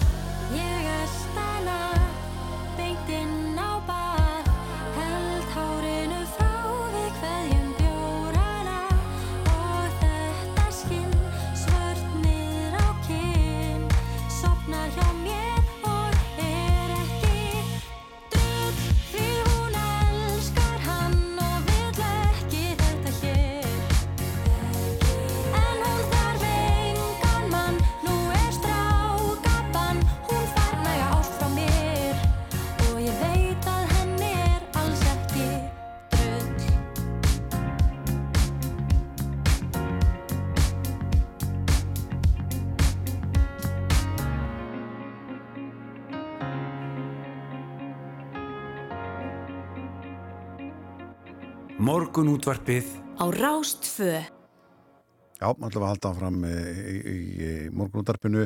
Nú, eh, Einar Skúlason, hann eh, heldur út í gönguhopnum Vesin og Vergangur. Hann gekk 300 km í júli á fjöllum. Hvorki meðin minna. með þetta fólk. Já, ég veit að, að það er voru 270 km með að hópa og uh, svo stuð síðan hann kom heim frá Suður Ameríku, þar gekk hann uh, líka viðsvegar, svo Dóraði Explorer liggur við, þegar ég segi svona hann eitti til að mynda 50 með frumbyggja fjölskyldu við Amazonfljótið og lendi í ymsum æðendurum hitti skríti fólk og ég veit ekki hvað hva einar er á línunni okkur, góðan daginn. Já, góðan daginn. Þú út á, á Seyðisfyrði labbaður eða ángað? Nei, reyndar ekki, en ég, ég var, að, var í fimm daga á viknaslöðum Já, já. og var hérna með hóp Já. og uh, svo er ég að fara í jökulságljúur á, á morgun. Já, já. Er, er, er stöðu ásórn hjá fólki að fara í svona hópaferðir að lappa upp á fjöldlu, upp á öðrufanum hjá okkur og, og, og bara útivist almennt, er, er, er aukningi þessu? Já, sko, ég held að COVID, sko, þó að það hefur verið slæmt að mörguleiti, ég þá ítti það á marga, margi sem keifti sér búnað, því að það var, það var svo margt lokað, en, en uh, náttúran var opinn og, og fjöllin og allt saman, þannig að- að ég held að aldrei hafi jafn margir átt útbúnað eins og núna til þess að stunda göngur. Já. Og, og eldgósið auðvitað íttindi það líka. Jú, jú. Já. En nú fara að gjósa aftur og, og, og almannavarnir og lauruglan le- leggja ríka áherslu á það að fólk sé ekki að fara þarna nema velbúið og, og vant með við þá ekki reikna með því að það, verði já, töluvert af svona vanara göngufólki að fara þarna núna. Jú, ég held líka að því að þetta er fjóru til fimm sinnum öflugri heldur en síðast, þá verður vantilega fjóru til fimm, fimm sinnum meiri mengun. Já. Ég held að fó- fólk verði að, að hugsa sér mjög vel um áður en hann fer á stað og, og, og út frá menguninni, sko. Já, þetta er alveg ríkalegt að lendi því. Við erum einmitt að horfa á þetta hérna á skjánum á RÚV 2 og það er alveg svakalett ský þarna upp úr núna. Ég myndi ekki vilja löndi í þessu að minnstakosti. En uh, sko 300 kilometrar á einu mánuði á fjöllum, sko ég hef ekki mikið vita á þessu hvað fólk er að labba svona í meðal fjallgöngu í kílometrum talið. Er þetta, er þetta ekki óvenju mikið? Jú, það fer auðvitað eftir hvernig göngunar eru og hvort maður er með allt á bakinu eða, eða ekki, eða með trús eins og margar ferðir eru núna. Þannig að, jú, þetta, þetta, voru, þetta voru bæði e, allt á bakinu fer, e, og, og trúsaðar ferðir. Þannig að, jú, þetta er, þetta er svolítið mikið, sérstaklega að það er allt á bakinu. Já. En, en hérna, já, Og hvernig gekk þetta allt saman? þetta gekk allt mjög vel.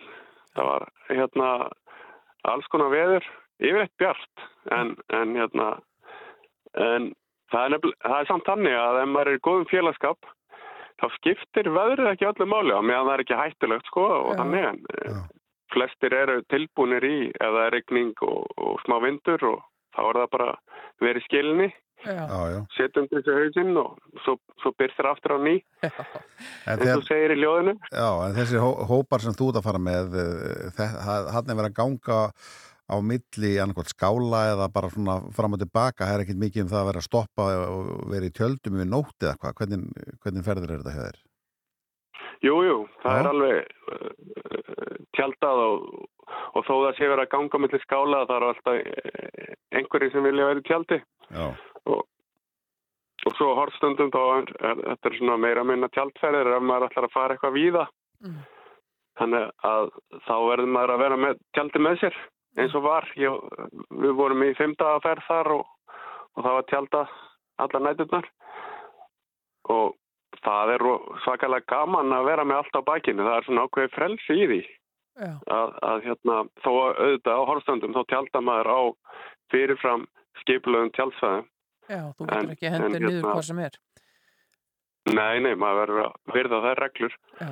en það er samt tilfinningin að vita að maður er með allt á bakinu maður er með allt tilbúið sko. Það engum háður. Já, og ef, ef illa fer þá auðvitað getur maður tjálta Já, og getur uh, elda sér mat og, og svo leiðis. En þú ert að fara, sko, hotstrandir þarna segiru og svo viknaslóðir, þú ert að fara endana á milli á landinu og, og, og þvælast um allt, en þú læti það ekki döga því að svo fórstu til, til Suður Ameríku, hvernig kom það til? Ég var 50 síðasta haust og ég ákvaða að gefa, já, ég hérna, gefa sjálfum mér eh, gefina að fara til útlanda og, og hérna, svo reyndar félagar í göngklubnum ítti undir það með, með hérna, rausnælegum gefum. Ek, ekkur hefði nú bara farið til tenni, sko. já, ég mér langaði að fara svona framandi slóðir og og ég var nú ekki búin að skipulegja mikið eins og það sem myndist á yngangi ég var hjá frumbyggja fjölskyldi við Amazon í, í fimm daga. Já.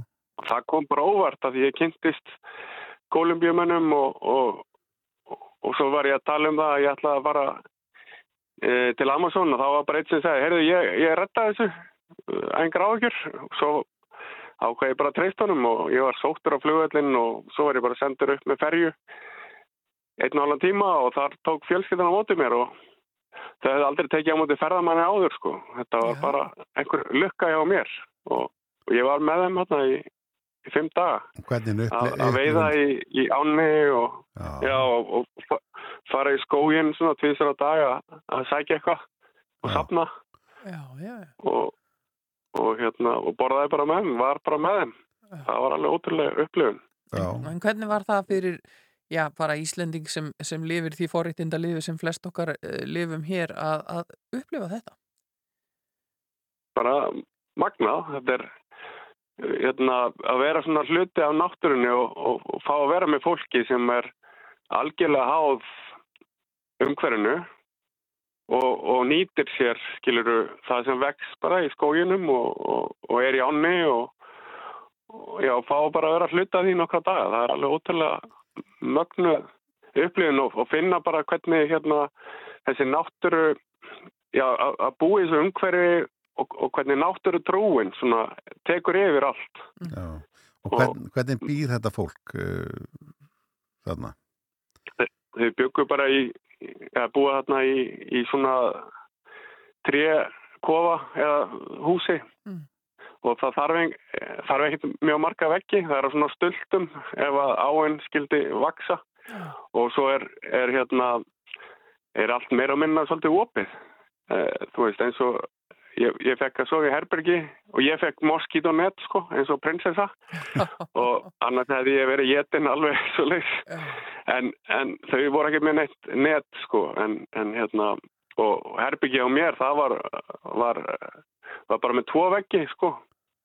Flugur hérna alls konar skortir eða hérna flugur ég veit ekki hvað, þetta voru alveg fleiri hundru eða þúsund tegundir sem voru að fljúa gegnum herbyggi hjá mér. Og, og hljóðinn náttúrulega þú veist, alla dag og alla nætur úr skóginum Já, vera í, í, í við Amazon fljótið í Suðan Ameríku ég er sem að væri nú að geta rótt yfir því sko hvað kemur úr skóginum, hvað svona er á ferli á nóttinni maður sér nú ekki vel í myrkri þó að sko dýrin sem búa að það sjáu mjög vel, þá sjáum við ekki neitt Nei, þau, þau sko sögðu að ég þurfti að pissa á nóttinu þá, þá var, var ég með ljós ég þurfti að lýsa á golfið og, ah. og það tók hvort að já, það gæti verið snákar eða sportreikar eða. Eða eitthvað slíkt. En þú hefur alveg sloppið við það. nóttinu, Já, það sem tröflaði mig á nóttinu það voru hérna, skóarmísnar það komið á nóttinu og, og það var svakaleg svakaleg lætið þeim. Það voru að leita einhverju ætilegu. En, en þetta það var alveg mögnuð upplifun. Já, ég skal trúa því. En ég var náttúrulega í þrjá mánu á ferð og þetta er svona en þetta er eitt af því sem stendur upp úr. Það er þessi dagar með þessari fjölskyldi Já, en þú talar um að, að kynst skrítnu fólki og eitthvað svona að eitthvað lendir í einhverjum ævindirum Já, já, alveg fullt af því. Já. þetta voru hérna það var eins og annar hérna sá sem tók á mótið mér á flugutinu þegar ég var að koma til Amazon hann, svona, hann er varaformaður samtaka frumbyggja á sæðinu hann hérna á mjög skröðlegu karakter var svo í þingframbóði í vor í Kolumbíu og, og svona mikið læti í honum hann var svona myndi mér svolítið Átna Jónsson kannski. Ég, hann var svona græja og gera og, og, og, og hérna heilsa öllum og tala um alla þegar við vorum á ferðinni. Já. Ótrúlega skemmtilegur karakter.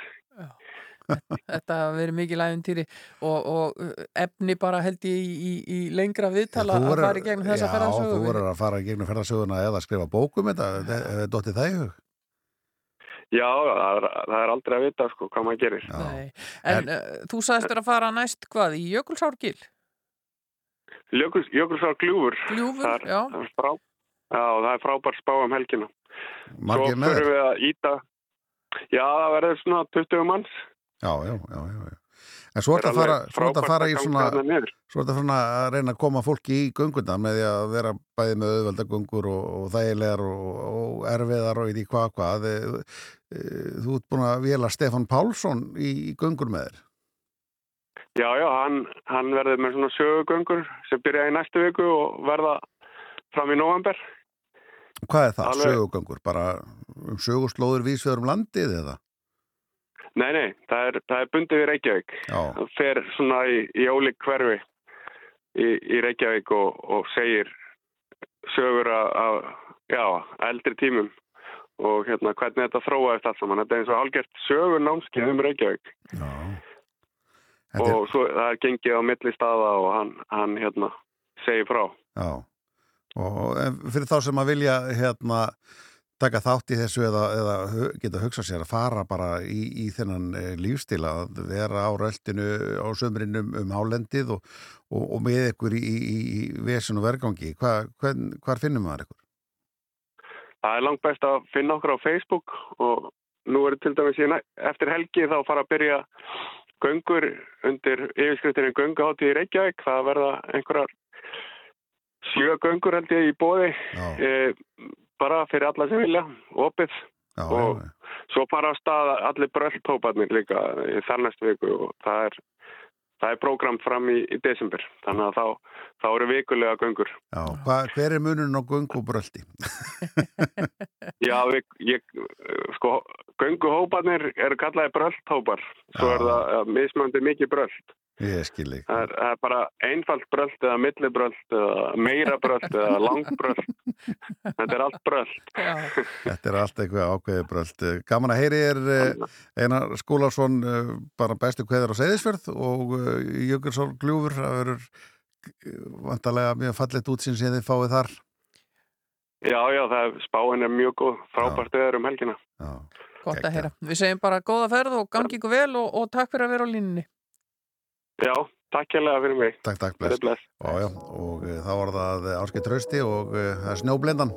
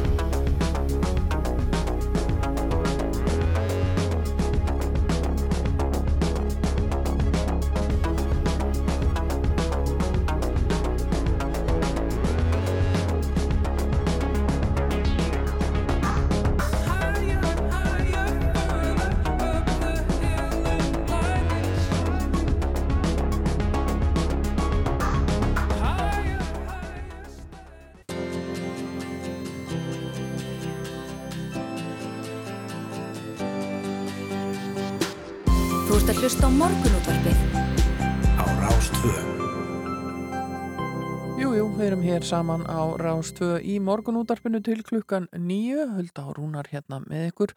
Og eh, næsti gestur hjá okkur sem eh, kemur hér inn eftir augnablík er hann Guðmundur Daði Rúnarsson, hann er frangata stjóri viðskipta og þróunar hjá Ísafi og við ætlum að heyra nýjar mettölur af umferð í flugstöðinni. Það heldur betur tekið við sér bara ferðaþráinn búin að vera svo mikil Ólgandi í Já, fólki, fólki, sko. já. Þannig að, að hann verður hérna eftir augnablík en við ætlum að, að heyra eins og eitt lag áður og við ætlum að fara í ABBA og við ætlum ekki að fara neitt langt aftur í tíman. Nei, nei, þetta kom bara út síðasta haust þegar það átti að koma bara eitt eða tvö lögum með ABBA en endaði síðan með tíu lögum, tíu laga plötu og þessi sýning í, í London veist algjörlega æðisleg Já, mælt með henni ABBA og Voyager Þetta kynna ykkur það að þið eru á, á leiðinni til Lunduna að sjá hvort þið komist ekki á, á sjóið en lagið sem við ætlum að spila heitir Don't Shut Me Down A while ago I heard the sound of children's laughter. Now it's quiet, so I guess they left the park. This wooden bench is getting harder by the hour. The sun is going down, it's getting dark. I realize I'm cold, the rain begins to pour as I watch the windows on the second floor. The lights are on, it's time to go. It's time at last to let him know.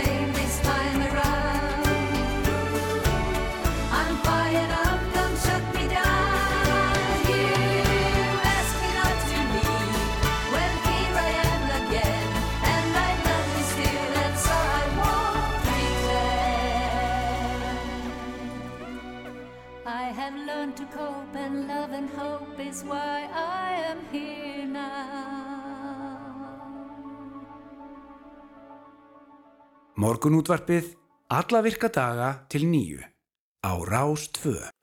Já, eins og við kynntum hér áðan að þá ætlum við að fjalla hér næst aðeins um umferðum flugstöðu Leifs Eiríkssonar sem hefur gríðarlega mikil í sumar og í júli fór þær í gegn met fjöldi. Við veltum fyrir okkur hinnlega hvernig gengur að höndla allan hennan fjölda gesta og hvernig ganga framkvæmdir við stækkun stöðarinnar. Til okkar er komin Guðmundur Daði Rúnarsson sem jafnan er kallaðu Daði, framkvæmdastjóri viðskipta og þróunar hjá Ísafi. Hann ætlar að fara aðeins yfir þetta með okkur. Velkomin. Takk fyrir, að fá að koma. Ef við byrjum bara, vöðum bara beint í, í, í tölunar sem, a, sem að ljúa yngu, við erum náttúrulega búin að, við erum að koma út úr tveggja ára COVID-tímabili sem hefði gríðarlega áhrif á ferðalög og, og rekstur auðvitað flugstöða og flugvalla og uh, einhvern veginn hefði maður nú haldið að það er kannski svolítið tími, færi svolítið tími að ná öllu í ganga aftur en, en það er aldrei ekki. Nei og við lögðum upp með það í faraldrinum og við töldum að Íslandi er mjög vinsall áfangastæður þegar þessu myndi ljúka. Þetta væri fullkomin áfangastæður eftir heimsfaraldurinn. Já. Viðfermi, stórt land, næri innviðir hér til staðar og það er bara er að rætast og það er að rætast hraðar en við genum ráð fyrir. Og núna í júlimániði þá fóru fleiri farþegar um flugvöllin heldur en í júli 2019 þannig að við erum búin að ná, sömu hæðum og fyrir faraldur, fóru 852.000 farþegar um flugvöllin þannig að við erum bara gríðalega ánað og þetta mikla sölu starf sem hefur verið unnið á flugvöllinum í gegnum faraldurinn, það er bara hreinlega að skila sér Já. þannig að þetta er gríðalega jákvætt og skemmtilegt Hvað er það? Er það, er það að, að, að, að það er allar vel fullar sem fara hérðan eða er það fleiri flugfélur sem hafa komið heldur en var?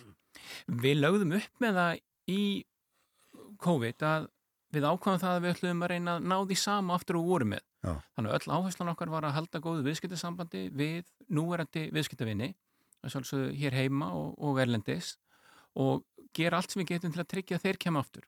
Þannig að við erum með jafnmörg flugfélög og fyrirfaraldur, við erum með 25 í sumar, við erum með 75 áfangastæði sem er líka sami fjöldi áfangastæða, þeir eru aðeins búin að breytast.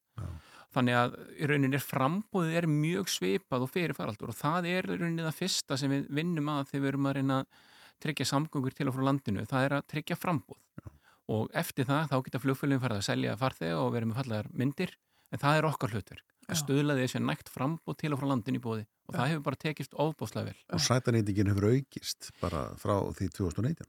Já, sætanýtingin er örlítið betri núna, þannig hérna júlimánuð heldur en uh, 2019, hún er næstuði 90% sem er gríðarlega gott en það er líka sýnir að það hafa verið vandamál uh, bæði yfir hafið og í Evrópu á flugvöllum, niðurfællingar og annað sem við höfum verið heppin með hér og bara sýnir það hvað allir voru vel undirbúin undir þetta. Mm. Þannig að það er líka að hjálpa okkur að það er bara flug í búið til landsins. Já. En sko talandi um flugvelli ellendis, eh, við heyrum endalusa fréttir og höfum jafnvel upplýða sjálf undarfarna mánuði eh, hvernig staðan er til dæmis bara á skiphóli í Amsterdam og Kastrup eh, í, í Danmörku eh, bara algjört ástand víða á flugvöllum. Hvernig hefur þetta verið á, á flugvöllinum okkar? Ég er óbáslega stoltur af starffólkinu á flugvöllunum og hvað hefur gengið vel hjá okkur. Auðvitað eru hnökrar dagstæðlega og geta komið upp vandamál en svona heilt yfir þá höfum við verið með óbáslega góðan byggtíma til dæmis í flugvendinni, í vopnaleitina og ferð um borð, nei ferð inn í flugstöðuna Mhm. og í innrituninni þrátt fyrir sem bæða uppfara fara okkur flokkuna kerfið okkar og allt innritunarkerfið þá hefur byggtíminn almennt séð verið undir 25 minútuðar Já. og það er hreinlega bara ekki sögurnar sem við erum að heyra því miður af kollegum okkar í Evrópu Nei. og kannski við bara töldum að öll teikn væri á lofti í februar og mars að Ísland yrði sterkur áfangstæðir sumar. Þannig að við byrjuðum að þjálfa starfsfólk, við lögðum upp með að hér yrði umferð um flugullin, þó hún sé örlítið umfram það sem við áttum vona á. Byrjuðum að þjálfa fólk, það tekur 36 mánuð á flugullinum og það er kannski helst ástæði fyrir að við vorum tilbúin. Mm. Við, kannski vorum við djarvarinn aðrir en ég held ekki, við bara sáum að þetta væri að fara að gerast og fórum í það. Er, erum við þá að tala um að mönnun á, á flugvellinum sé orðin svo sama, ég vil meiri heldur en hún var fyrir COVID og allar þar uppsærfinn sem kom í kjölfari? hún er nú ekki, held ég, orðin alveg sambarileg. Ég held að hún sé ekki einhver 90% af því sem hún var fyrir faraldurinn. Og við auðvitað höfum orðið var við það eins og aðrir að það er vöndun á starfsfólki og það hefur fækkað á vinnumarkaði og einhverjir hafa flutt að landi brott. en heilt yfir hefur okkur gengið ágætlega að ráða og erum með mjög flott og gott starfsfólk Já, og vantar enn, vantar enn, er það ennþá að leita? Í- Svona, já, það bara örgulega fjölda auðlýsinga út núna í ágúst en svona, hvað, þessi stærstu póstar okkar voru vel mannaðir í sömar og það er náttúrulega mesti starfsmannafjöldin hjá okkur á sömurinn þannig að það hefur bara gengið ágætlega Það eru þessar framkvæmdir við flugstöðuna uh, hvert eru þær komnar og, og, og hvenar verður þeim lokið og munu þær döga til þegar, að því kemur?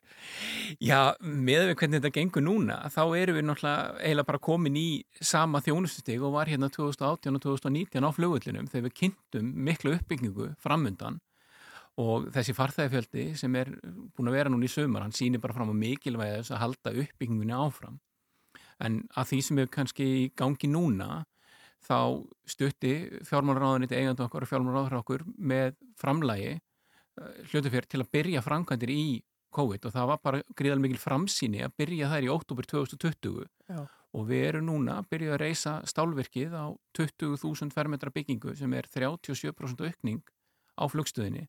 Þannig að við erum að fekja gríðalega stórt mannvirki í Hvar kemur fyrsta það, fasa hvar bætist það við húsi svona fyrir okkur sem erum að reyna að sjá þetta í huganum Já, það, það, það, það bætist við austamegin og það hjálpa kannski engum en Nei. það er sem sagt nær Reykjanesbæ þegar þú kemur keirandi að flugstöðinni Já. og þeir farþegar og, og aðrir sem keira að flugstöðinni í dag þeir munu sjá stálverki vera komið þar upp og hérna, það fer ekki fram hjá neinum Nei. þannig að það er í rauninni að fara nær Reykjanesbæ og þar erum við að fara að byggja í framtíðinni nýjan landgang og þar verður að helsta stækkunarsvæði á flugvöldinum á komandi árum. Einhver tíman sá ég uh, skipulag fyrir þetta svæði þess að þar var gert ráð fyrir innanhansflugstuð það vantarlega hún að búið að sopa hennundaborðinu eða eitthvað. Við erum með það mikið landsvæði á keflaguflugulli Já. að við höfum sagt það frá byrjun að ef það væri vilji ríkisins að, eða annar aðila að færa innlandsflugi til keflaguflugullar þá er nægt landrými til staðar til að koma þar innlandsfluginu en það er því aldrei í sömu flugstöð út af tollalögum og, og landamærum og öðru slíku. En það er nægt landrými til að koma henni fyrir. Já, færið það þá hinum með við 19. andan til dæmis. Já, gæti verið. Já, Þar vinum megin við flugskili fyrir þá sem þekkja en Já, nefnt, ef, ein- ef einhvern tíman kemur, ef einhvern tíman verður að því. En þetta er áhugaverða uh, tölunar sko, ef maður uh, rýnir í, í farþegatölur fyrir júli mánuð og þú ert að segja okkur að það er konin eh, fleiri farþegar í gegnum flugstöðuna heldur en júli 2019 en ef tö- tö- tökum bara 2020 það fóru 120 og- eða 130 manns í gegnum flugstöðuna á móti sko 850.000 núna. Þetta er ekki smá aukning. Þetta er náttúrulega bara alveg frábært og maður verður eiginlega svona þegar maður hugsa tilbaka sko að, mæta í vinnuna og, og hverju mótni og innrýttunarsalurum og tómur og lappa upp í flugstöð og tómt að, að maður átt að sjá því eftir á sko hvað þetta var döpur tilfinning. Já. og hvað er bara gaman? Auðvitað við vitum það nú þegar að það er of mikið í rauninni fyrir núverandi flugstöð og þetta er að vera betra hérna 2024 þegar við stækkum. En það er bara gleðin að mæta í vinnuna sjá gleðina í starfsfólkinu farþegarnar aftur að ferðast. Ég, það er svona það sem ég hugsa mest til sko, Já. að þetta var að vera með einhverja 2-3 þúsund farþegar á dag þetta, er, þetta var ekki skemmtilegu tími Nei. En að þú segir 2024, það er tvö ári að þessi viðbygging eða þessi stækkun er komin í nótkun. Já, og uh, það verður opnuð í tveimur áfengum. Þetta er, hérna, þegar við kemur til landsins, þá erum við að stækka töskumótökusvæðið og fara þar úr þremur töskuböndum í fimm og við erum að stækka fríhöfnuna í leiðinni og það er kannski það helsta rask sem farþegar verða var við þessa dagana og hafa bara sínt mikla byðlund og þólumæði í þeim framkvæmdum. Þannig að það mun algjörlega gerbilt á upplifuninu þegar þú kemur til landsins og er unna fimmfalda stærðin á því svæði fyrir farþega. Og á efri hæðinni þá kemur nýtt setusvæði og nýtt veitingasvæði, tveir veitingastæðir og sæti fyrir í kringum þúsund manns og jáfnframt koma sex ný hlið og það er að vera fjögur með landgöngum út Já. þannig að við erum bara að byrja þennan uppbyggingarfasa að auka og bæta þjónustíð á flugullinum Já. og þetta er bara gríðarlega spennandi tímar framöndan En svo er það flughlöðin, uh, nú er orðið mjög algengt eins og segir að það er ekki öll hlið með landgang. Uh, við förum í rútu og, og, keirum hann að hálfa leið út í hafnir áður en við förum um borð. Þetta hefur stækkað líka mjög mikið, þetta svæði þa þar sem er verið að- að setja fólk um borð og, og svo framvegis. Akkurat og það var í rauninni þegar við byrjuðum að maksa hérna um 20-30% á ári 2014, 15 og og 16 þá eru þetta fljótlegustu framkvæmda sem þú færið í. Þú ert í kringum tvö ára að byggja rútustæði Mm. og þau kosta eitt þriðja af því sem kostar að vera með landgang og, og flugstuð. Þannig að þetta var runnið eina sem við gáttum gert. Til þau annarkvort var það að segja, heyrðu, við ætlum ekki að vaksa upp í hennar farþega fjölda og þá væri við ekki í dag heldur að fá 850.000 farþega í júlimánuði. Þannig að við, ok, við tókum það ákvörðin að segja, heyrðu, við vitum að þetta er ekki besta upplifunin og það er ekki allir, þó sumu sem finnst mjög gott að fara út í fersla oft, að stækka þetta svæði.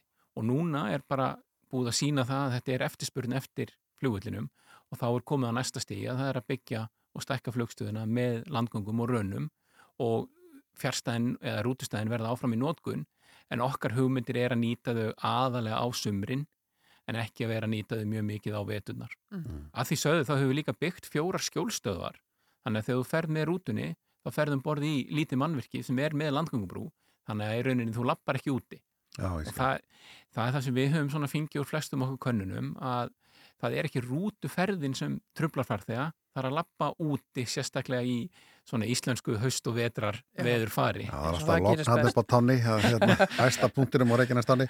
Akkurat. Eh, Eða þannig, en, en, en þessi viðbót, þessi stækkun sem kemur 2024, eh, hvað getur flugstuð þó eh, hérna sinn mörgum farþegum? Hvað gerir ráð fyrir að þetta tölunar hækki? Við erum að gera ráð fyrir því að, að það eru í, dag 22 hlið á flugullinum og þetta eru 60 viðbútar. Þannig að við erum að segja að þetta er kannski 20% aukning Já. og það er kannski ástæði fyrir að við höfum verið að koma fram og sagt að það er mjög mikilvægt að við höldum uppbygginguna áfram í framhalda að þessari byggingu. Hún er inn í okkar huga fyrsti fasin af þremur og í því að stækka og auka afkast að geta flugvallarins. Þannig að við erum að stækka þarna töskumótökusvæðið á nokkur hlið í framhaldi þurfum við að stækka vestlunarsvæðið og, og landamærin og svo getum við byggt fleiri hlið. Þannig að spuru hérna í byrjun hvernig framkvæmdu verið lokið að ég hef oft sagt að, að hérna, flugullir er framkvæmdarsvæði þar sem flugullar lenda fyrir tilvílun og, og, hérna, og ég held að kepplaugur flugullir verði þannig fram til svona 2030. Þetta er fyrsti fasi núna til 24, þá tökum við önnu framkvæmt á sveipaðri stær til 28 og svo byggjum við landgang 28 til 32 ef allt gengur óskum.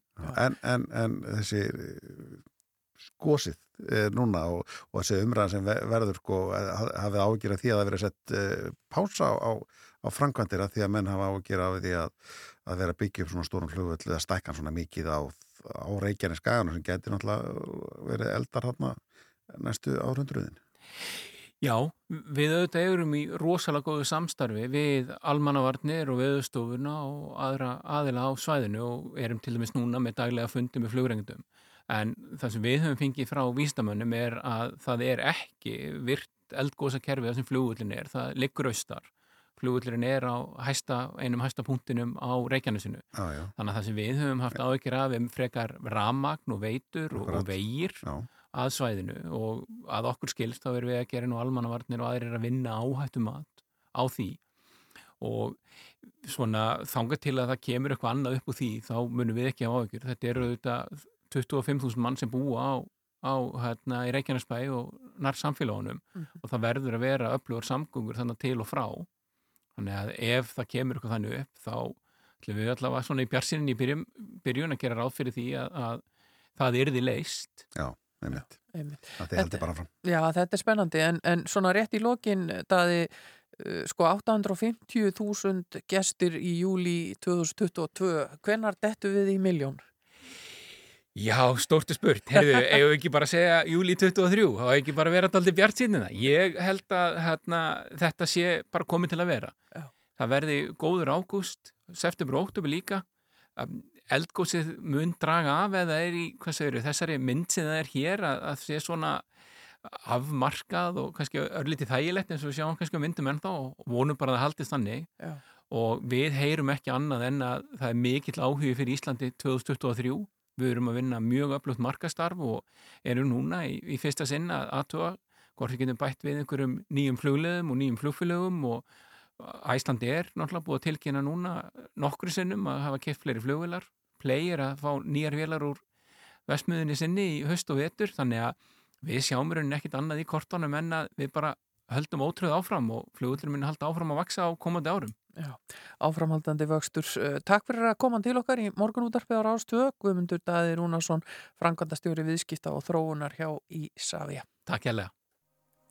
Já, við ætlum að heyra þá hér næst lægið sem að uh, sló aftur í gegn áratugum síðar. Þetta er Kate Bush og Running Up That Hill.